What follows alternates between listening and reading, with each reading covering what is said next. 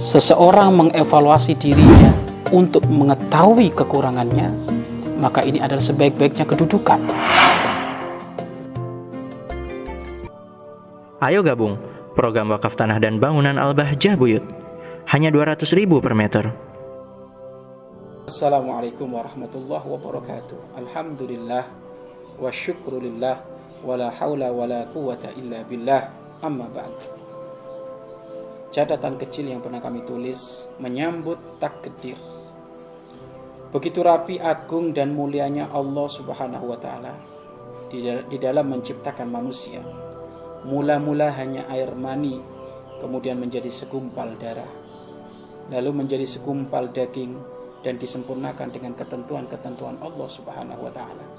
Mulai dari rizkinya, ajalnya, amalnya, beruntungkah atau celakakah sehingga nampak amal ahli surga namun takdir ia adalah neraka maka bermaksiatlah ia Nampak pula amal ahli neraka, namun takdir ia adalah ahli surga, maka beramal solehlah ia. Pemirsa yang dirahmati oleh Allah Subhanahu wa taala. Apa pun yang ada di muka bumi ini semuanya tidak luput dari ketentuan Allah. Takdir Allah, kodok kodarnya Allah Subhanahu wa taala. Maka hal ini perlu diimani. Karena yang beriman kepada ketentuan Allah tidak mudah putus asa yang beriman dengan ketentuan Allah, takdirnya Allah, maka tidak mudah jelek prasangka kepada Allah. Kenapa ada orang putus asa? Karena dia tidak beriman kepada ketentuan Allah. Kenapa seseorang itu mudah jelek prasangka kepada Allah? Karena dia tidak beriman kepada ketentuan Allah. Rizki kita ini sudah diatur. Ajal kita sudah diatur. Sehat dan sembuh kita sudah diatur jodoh kita sudah diatur, apa pun sudah diatur. Mau jadi presiden, mau jadi pak camat, mau jadi pak lurah, ini semuanya sudah ketentuan dari Allah Subhanahu wa taala. Akan tetapi perlu difahami, adapun ikhtiar itu, ikhtiar itu adalah penolong dari ketentuan Allah. Ikhtiar itu ya membantunya ketentuan Allah. Maka dari sini seakan-akan orang kalau sudah ikhtiar itu pasti akan merubah takdir Allah tidak akan tapi ikhtiar itu termasuk bagian dari ketentuan Allah atau pembantu dari ketentuan Allah Subhanahu wa taala.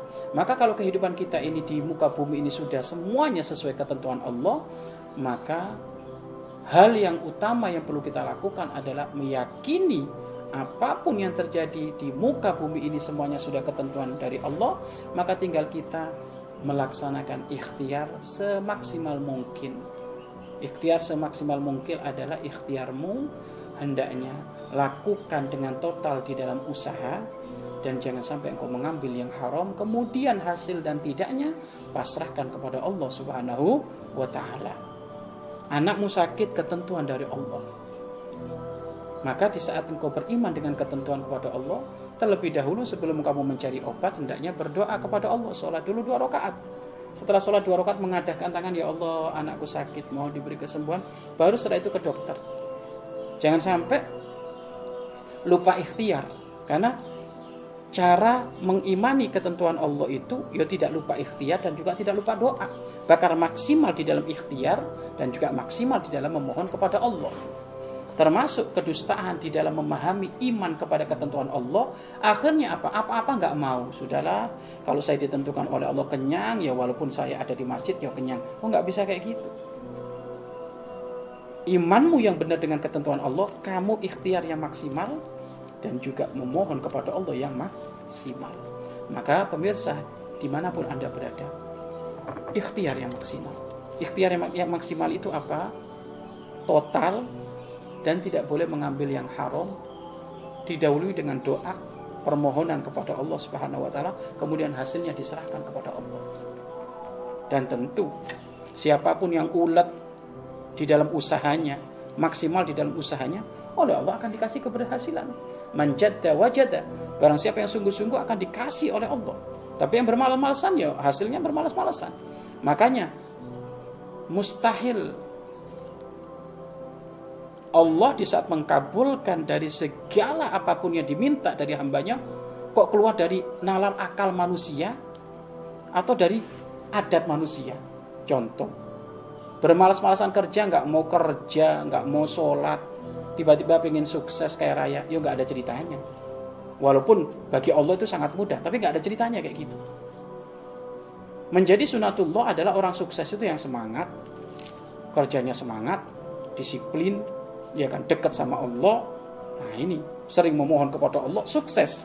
Tapi nggak ada orang sukses. Oh, mabuk zina sukses nggak ada. Kalau ada orang mabuk zina kok sukses itu istidroj ya kan? Orang kurang ajar pada Allah kok dikasih kesuksesan itu istidroj istidroj itu apa? Sengaja oleh Allah diberi itu agar supaya dia semakin lalai dari Allah. Nerakanya biar tambah dalam dijor. Nah ini bahaya ini. Bahaya bahaya maka pemirsa yang dirahmati oleh Allah Subhanahu wa taala kita jalankan ketentuan Allah ini dengan maksimal. Ya, mencari rezeki anjuran, keluar. Pulang keluar pagi, pulang sore. Tetapi hasil semuanya sudah ditentukan oleh Allah. Yang penting kita ikhtiar.